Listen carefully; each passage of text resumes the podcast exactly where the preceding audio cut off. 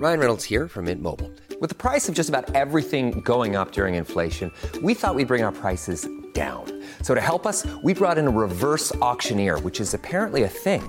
Mint Mobile unlimited premium wireless. Ready to get 30, 30, bit to get 30, bit to get 20, 20, 20, bit to get 20, 20, bit to get 15, 15, 15, 15 just 15 bucks a month. So, Give it a try at mintmobile.com slash switch. $45 upfront for three months plus taxes and fees. Promo rate for new customers for limited time. Unlimited more than 40 gigabytes per month. Slows. Full terms at mintmobile.com.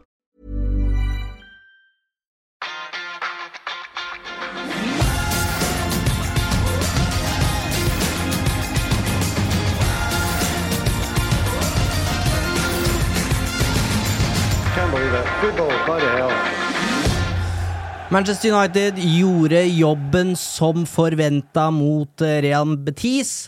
Tok seg til eh, kvartfinalen i eh, Europaligaen og kasta seg rett inn på flyet til Manchester torsdag kveld, men det er ikke lenge før de skal tilbake igjen, Fredrik Filtvedt. Det er helt riktig. Trekninga den er klar. Og det blei spansk motstander ble det ikke det? Eivind? Selvfølgelig, og det ble blei selvfølgelig eh, Sevilla. Eh, vi sitter her aleine. Jon Martin kommer på mandag. Mm. Eh, og det blir noen av de episodene her som ikke nødvendigvis er like eh, lange og store, eh, men det skjer jo ting i eh, Manchester United-verden som vi skal plukke opp underveis i uka. Vi må nesten det. Det skjer noe spennende rundt denne klubben nesten hver dag. Og da må vi være på jobb, vi, Eivind. Det skal vi være, og vi skal hente inn ekspertise, og det er det vi har gjort i dag. Eh, vi skal snakke med eh, Petter Wæland om, eh, om Sevilla.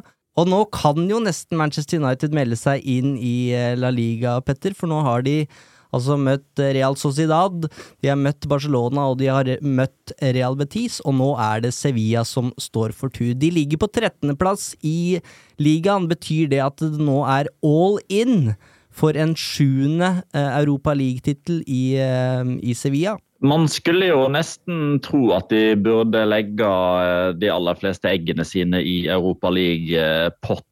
Men eh, altså 13.-plass, det er riktig, men det er ikke mer enn to poeng ned til 18.-plassen. Eh, og man skal ikke mer enn eh, ei uke tilbake for å finne et Sevilla-lag som, som faktisk var under streken i løpet av serierunden. Så her er det jo på en måte så er det jo en drømmetrekning for Manchester United å trekke et lag som er langt, langt, langt unna sitt beste nivå. Jeg anser Manchester United som et veldig mye bedre og mer komplett fotballag per mars 2023, men samtidig så er det jo sånn at når Europa League-hymnen blir spilt, så våkner udyret nede i Andalusia.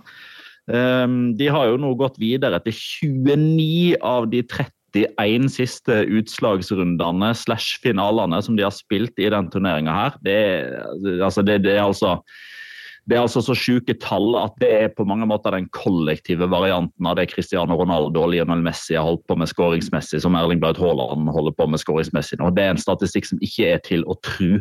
Og de seks siste gangene Sevilla har tatt seg til kvartfinalen i Europa League, så har de gått hele veien og vunnet hele sulamitten. Sampaoli tok over for uh, Lopetegui i oktober. Hva slags lag har de blitt under eh, argentineren? De har eh, nok prøvd å bli noe annet enn det de har blitt foreløpig. Um, de har jo slitt egentlig litt eh, over tid nå. De har egentlig vært i en litt sånn negativ spiral helt siden jeg vil trekke det tilbake til januar-februar-ish eh, 2022. Det har egentlig vært eh, skikkelig dårlig under paret i godt over et år nå. Um, Ca. halvveis inn i forrige sesong så begynte man jo å spekulere i om dette Sevilla-laget skulle vokse seg helt inn i himmelen. For da var de faktisk en reell tittelutfordrer. Da var de det eneste laget som holdt følge med, med Real Madrid fram til litt over halvspilt La Liga-sesong, og derfra og inn så eh, så gikk det ikke bra i det hele tatt. Og så eh, tok man jo et valg ved å stå ved Lopetegi i sommer, til tross for den nedadgående spiralen som, som starta under hans eh, ledelse. Man så ganske eh, solide tegn på en form for slitasje, og at Lopetegi nok hadde skvist nesten all saft som var mulig å få ut av den Sevilla-sitronen. Det ble fulgt opp av et overgangsvindu som virkelig virka litt alarmerende med både Diego Carlos og Jules Condé ut fra midtforsvaret, og som i etterkant har vist seg å være et ganske dårlig vindu. For det var veldig få av de som ble henta til Sevilla sommeren 2022 som har bidratt med noe særlig. Um, og det kulminerte jo i en fryktelig dårlig høstsesong som gjorde at Lopetegi fikk uh, sparken. og Da valgte man å gå tilbake igjen til en tidligere suksesstrener uh, med, med San Paoli, som har vært der tidligere, og som uh, hadde ja, ganske ålreit suksess da, og som, som, står for en sånn type fotball som egentlig passer Sevilla.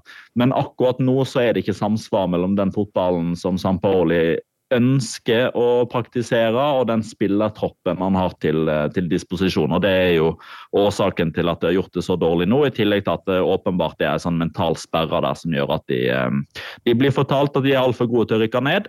Eh, og så klarer man kanskje ikke å innse realitetene, og så blir disse torsdagene litt sånn fristed fra det der maset og kjaset om at de er så dårlige i La Liga. Det er jo noen kjenninger her for, eh, for United-supportere. Alex Telles er jo på lån i Sevilla. Adnan Janutsai er der.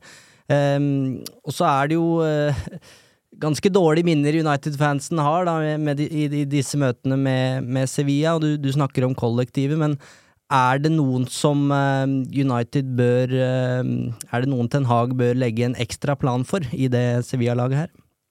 Uh, det er for så vidt ikke noen store einere som står ut. og Det har jo vært litt av problemet for Sevilla sin del, at de har ikke den ene talismanen å, å, se til. og De har for så vidt ikke en sånn leder i hvert ledd heller.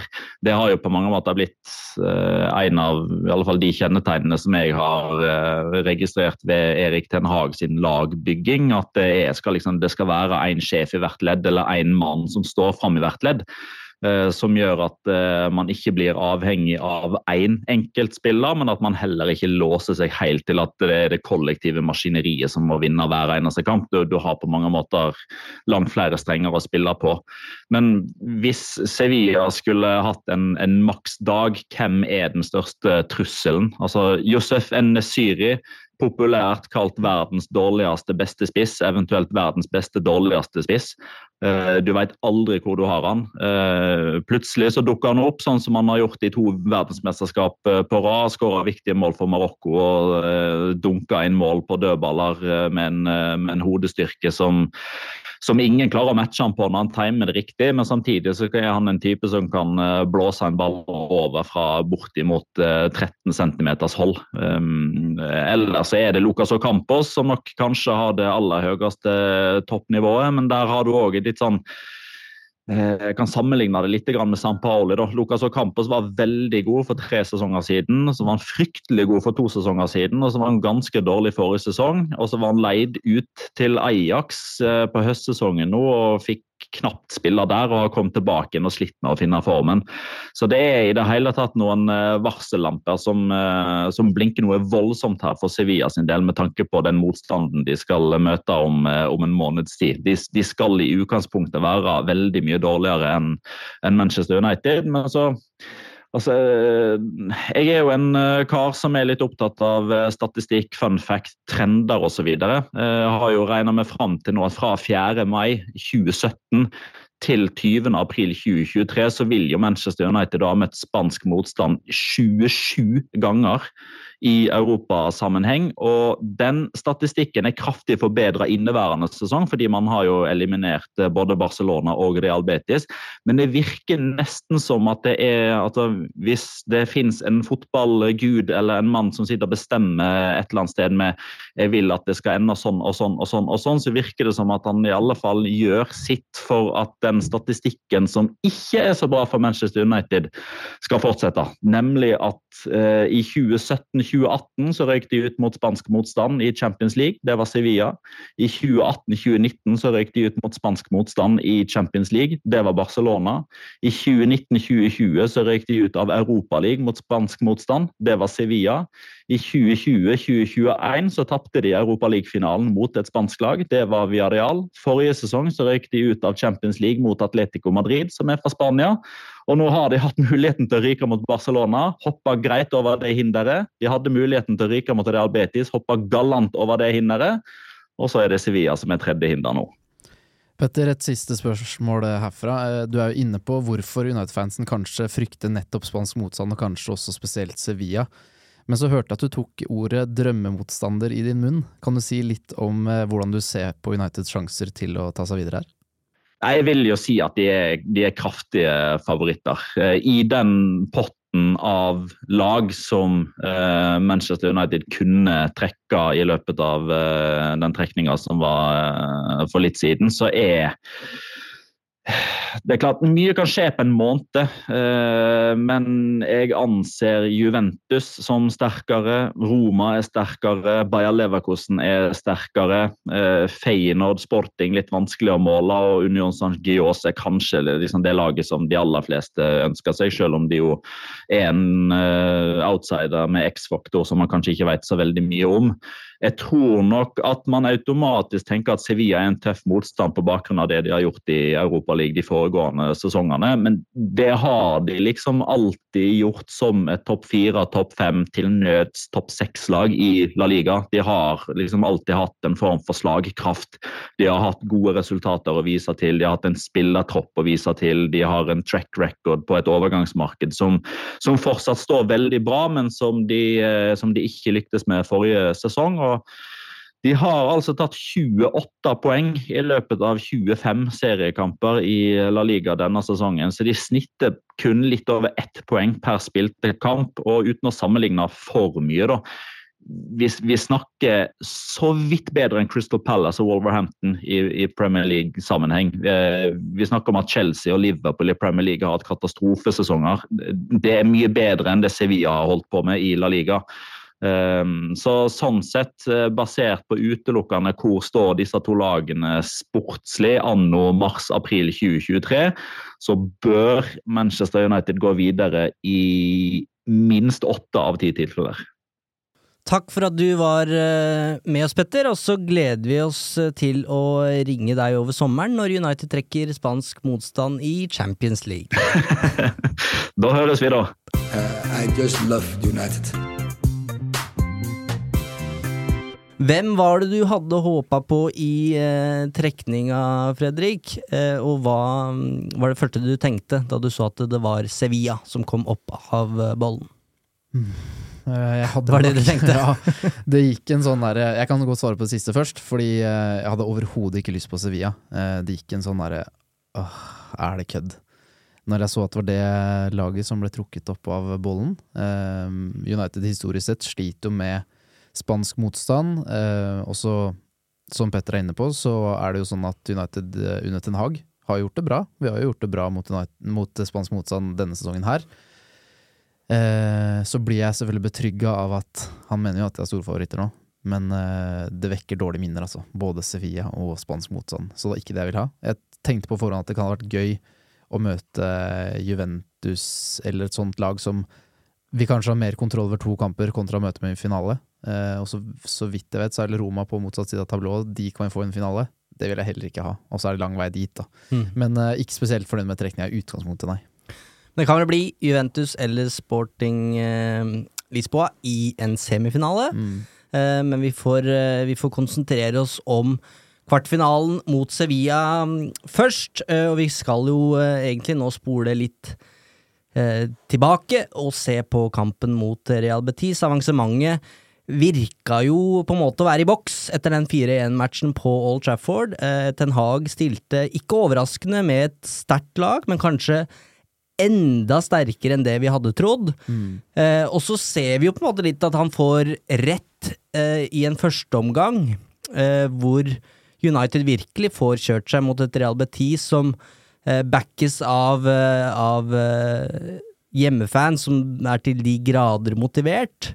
Eh, og de får kontre på, på United i det som er en ganske kaotisk omgang. Eh, og så får Rashford to, to 100% sjanser, må vi kunne kalle det, etter hvilen. Eh, og banker inn den tredje, som er en 15-20 Ja, maks. Maks. Maks, ja. Men spesiell første gang. Fordi jeg tenker liksom at United Det er klart du har tre mål å gå på, men er det én ting som ikke er vits i, er det å åpne opp kampen så mye som det. Eh, og så kan jeg skjønne at det blir type kaos når, når et lag går ut i 100 og på en måte er nødt til å jakte scoring fra første sekund. men unødvendig åpent bak hos United. Eh, Hvorfor blir det sånn? Nei, det er jeg inne på, at hjemmelaget er bare de, de er desperate etter å få den første, men at United på en måte blir med på den åpne åpningen av kampen, overrasker meg litt. Jeg vet ikke om det var planen, at de på en måte skulle utnytte at da, da drar vi på oss et Eller da får vi en kontring og kanskje avgjør kampen tidlig. Eh, Så jeg kjente litt på liksom Nå er det, nå er det Albetis farlig nære å på få både én og to her, og da blir det ordentlig guffent her. Heldigvis Ja, slapp vi det. Du ser jo Casemiro og Fred virke ukomfortable. Mm. Eh, Maguire med tempoproblemer mot eh, Johan Mi der, som kom igjennom Mm. to ganger. Så ganske shaky, men med 4-1 så, så må vi jo tro at de eh, fortsatt var relativt sikre på at det her skulle gå veien. Ehm, og eh, med den skåringa til Rashford så kan jo da um, Ten Hag begynne å hvile spillere, og det der, det er ja, Ronaldo-vibes, eh, tillot jeg å skrive på, på Twitter.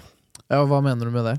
Skuddet, eh, ikke helt Skåringa, ja. ja. Ja, helt Ja, eh, prestasjonen i seg sjøl var jo egentlig under pari av, av Rashford, som skulle skåra to ganger der.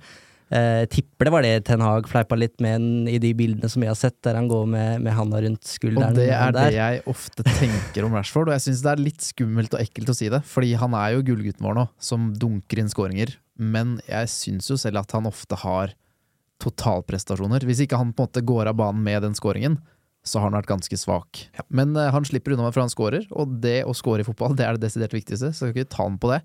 Men uh, det bor ganske mye mer i Marcus Rashford, i Marcus Rashford Mm. uh, spillmessig enn det vi ser nå, syns jeg. Skåringa er i hvert fall verdensklasse. Jeg prøvde ja, litt sånn Ronaldo-vibber, som sagt. Litt sånn, ikke helt eh, som mot Porto, selvfølgelig. Men jeg ser hva du vil. Absolutt. Men det er noe med skuddteknikken og det å bare bestemme seg. Nå er det nok. Nå skal ballen i mål. Um, Ten Hag hvilte ikke mange. Uh, Bruno Fernandes, tre år siden han kom til Manchester United, stått over ni kamper. Ni kamper. På tre år spilt 169 av 178 kamper. Ingen i de fem største ligaene i Europa som har spilt mer enn Bruno Fernandes. Hvor lenge kan han holde? Oh, godt spørsmål. Og jeg tenkte over Bruno på hjemmebane seinest i stad. Fordi jeg har stått og dytta en bil i dag. Jeg satte satt meg fast i snøen. Og jeg kjenner det jo i legger og hamstring og tenker sånn Denne kroppen her er skjør. Og da begynner jeg å tenke på Bruno. For jeg tenker, Hvor lenge kan han spille så mye så tett uten at, det går, at, uten at han får en muskelskade etter hvert? Tåler han, tåler han så mye? Hittil så er jo svaret ja. Men, men kan man tyne den strikken noe lenger nå? Jeg vet ikke. Spiller han mot Fulham på søndag? Aner ikke. Han gjør sannsynligvis det. Burde han det? Eh, Syns du han ser sliten ut, eller ja. er det vi som ser på minutter og bare konkluderer ut ifra det? Nei, jeg syns han ser ekstremt sliten ut, men at han holder, holder veldig lenge. Jeg syns han holder 70 fint, og så begynner det å Og så begynner det å bli at den rett og slett står og har hoftveste og henter seg inn i pusten og sånne ting. Og så blir man jo veldig bevisst på det når man først tenker at han spilleren her er sliten. Så jeg registrerer ikke det med de samme Altså, Det kan at alle, alle rundt han er like slitne som han, det kan hende. Men jeg legger merke til at Bruno er eh, sliten, og det skulle da bare mangle. Vil spille, sier eh, Erik Den Haag, og han har energien til det. Så får vi se hvor, eh, hvor lenge det holder. Han, dette var vel den 43. matchen, tror jeg, denne sesongen her. Han har jo en sesong med 58. 58 matcher for Ja. Manchester United, så det er jo et stykke opp dit. Men eh, United trenger jo eh, eh, Fernandes i innspurten her, og så kommer jo Christian Eriksen nå i, i april, og det, da kan det bli rom for, for noe hvile, kanskje. Vi kan jo tenke at det kanskje blir det, men det blir jo sannsynligvis ikke det, Eivind. Sannsynligvis eh, så skal Bruno Fernandes spille alt. Han er jo heller aldri skada. En som ikke var sliten, det var eh, Facundo Pel Pelistri, som starta sin første match for Manchester United. Grep han muligheten, syns du, Fredrik? Jeg syns jo eh, jeg, Altså, jeg er positiv. Jeg er ikke sånn Jeg syns ikke vi skal blåse altfor mye opp, det var, det var en solid prestasjon. Eh, jeg liker veldig mye han. Jeg syns han er veldig rapp. Enorme tyngdeoverføringer. Bra balanse. Uredd. Eh, og så føler jeg at han, kan, han har enda mer inn enn dette, men å på en måte ta den scenen der, første start bort mot en så god motstander som Real Betis, og gjør seg på ingen måte bort, og jeg tror det bor enda mer han. Så jeg er veldig positiv, og liker han, som vi snakka om sist, liker han veldig godt. Vi har fått en ny Pelé, eller det vil si, vi har fått en ny Pelle, Ja. som, eh, som eh, Ten Hag sa, og det vil jo komme muligheter her. Eh, sannsynligvis. Eh, Garnaccio ute med, med skade, og Antony var jo nå hjemme i Manchester, så det er ikke utenkelig at Belistri, eh, som også fikk ros av Den Haag, får muligheten allerede igjen på søndag mot eh, Fulham i, i FA-cupen. Mm, på ingen måte, og det syns jeg han har fortjent i så fall. Og det syns jeg har vært gøy. La han nå få noen kamper, spille seg inn.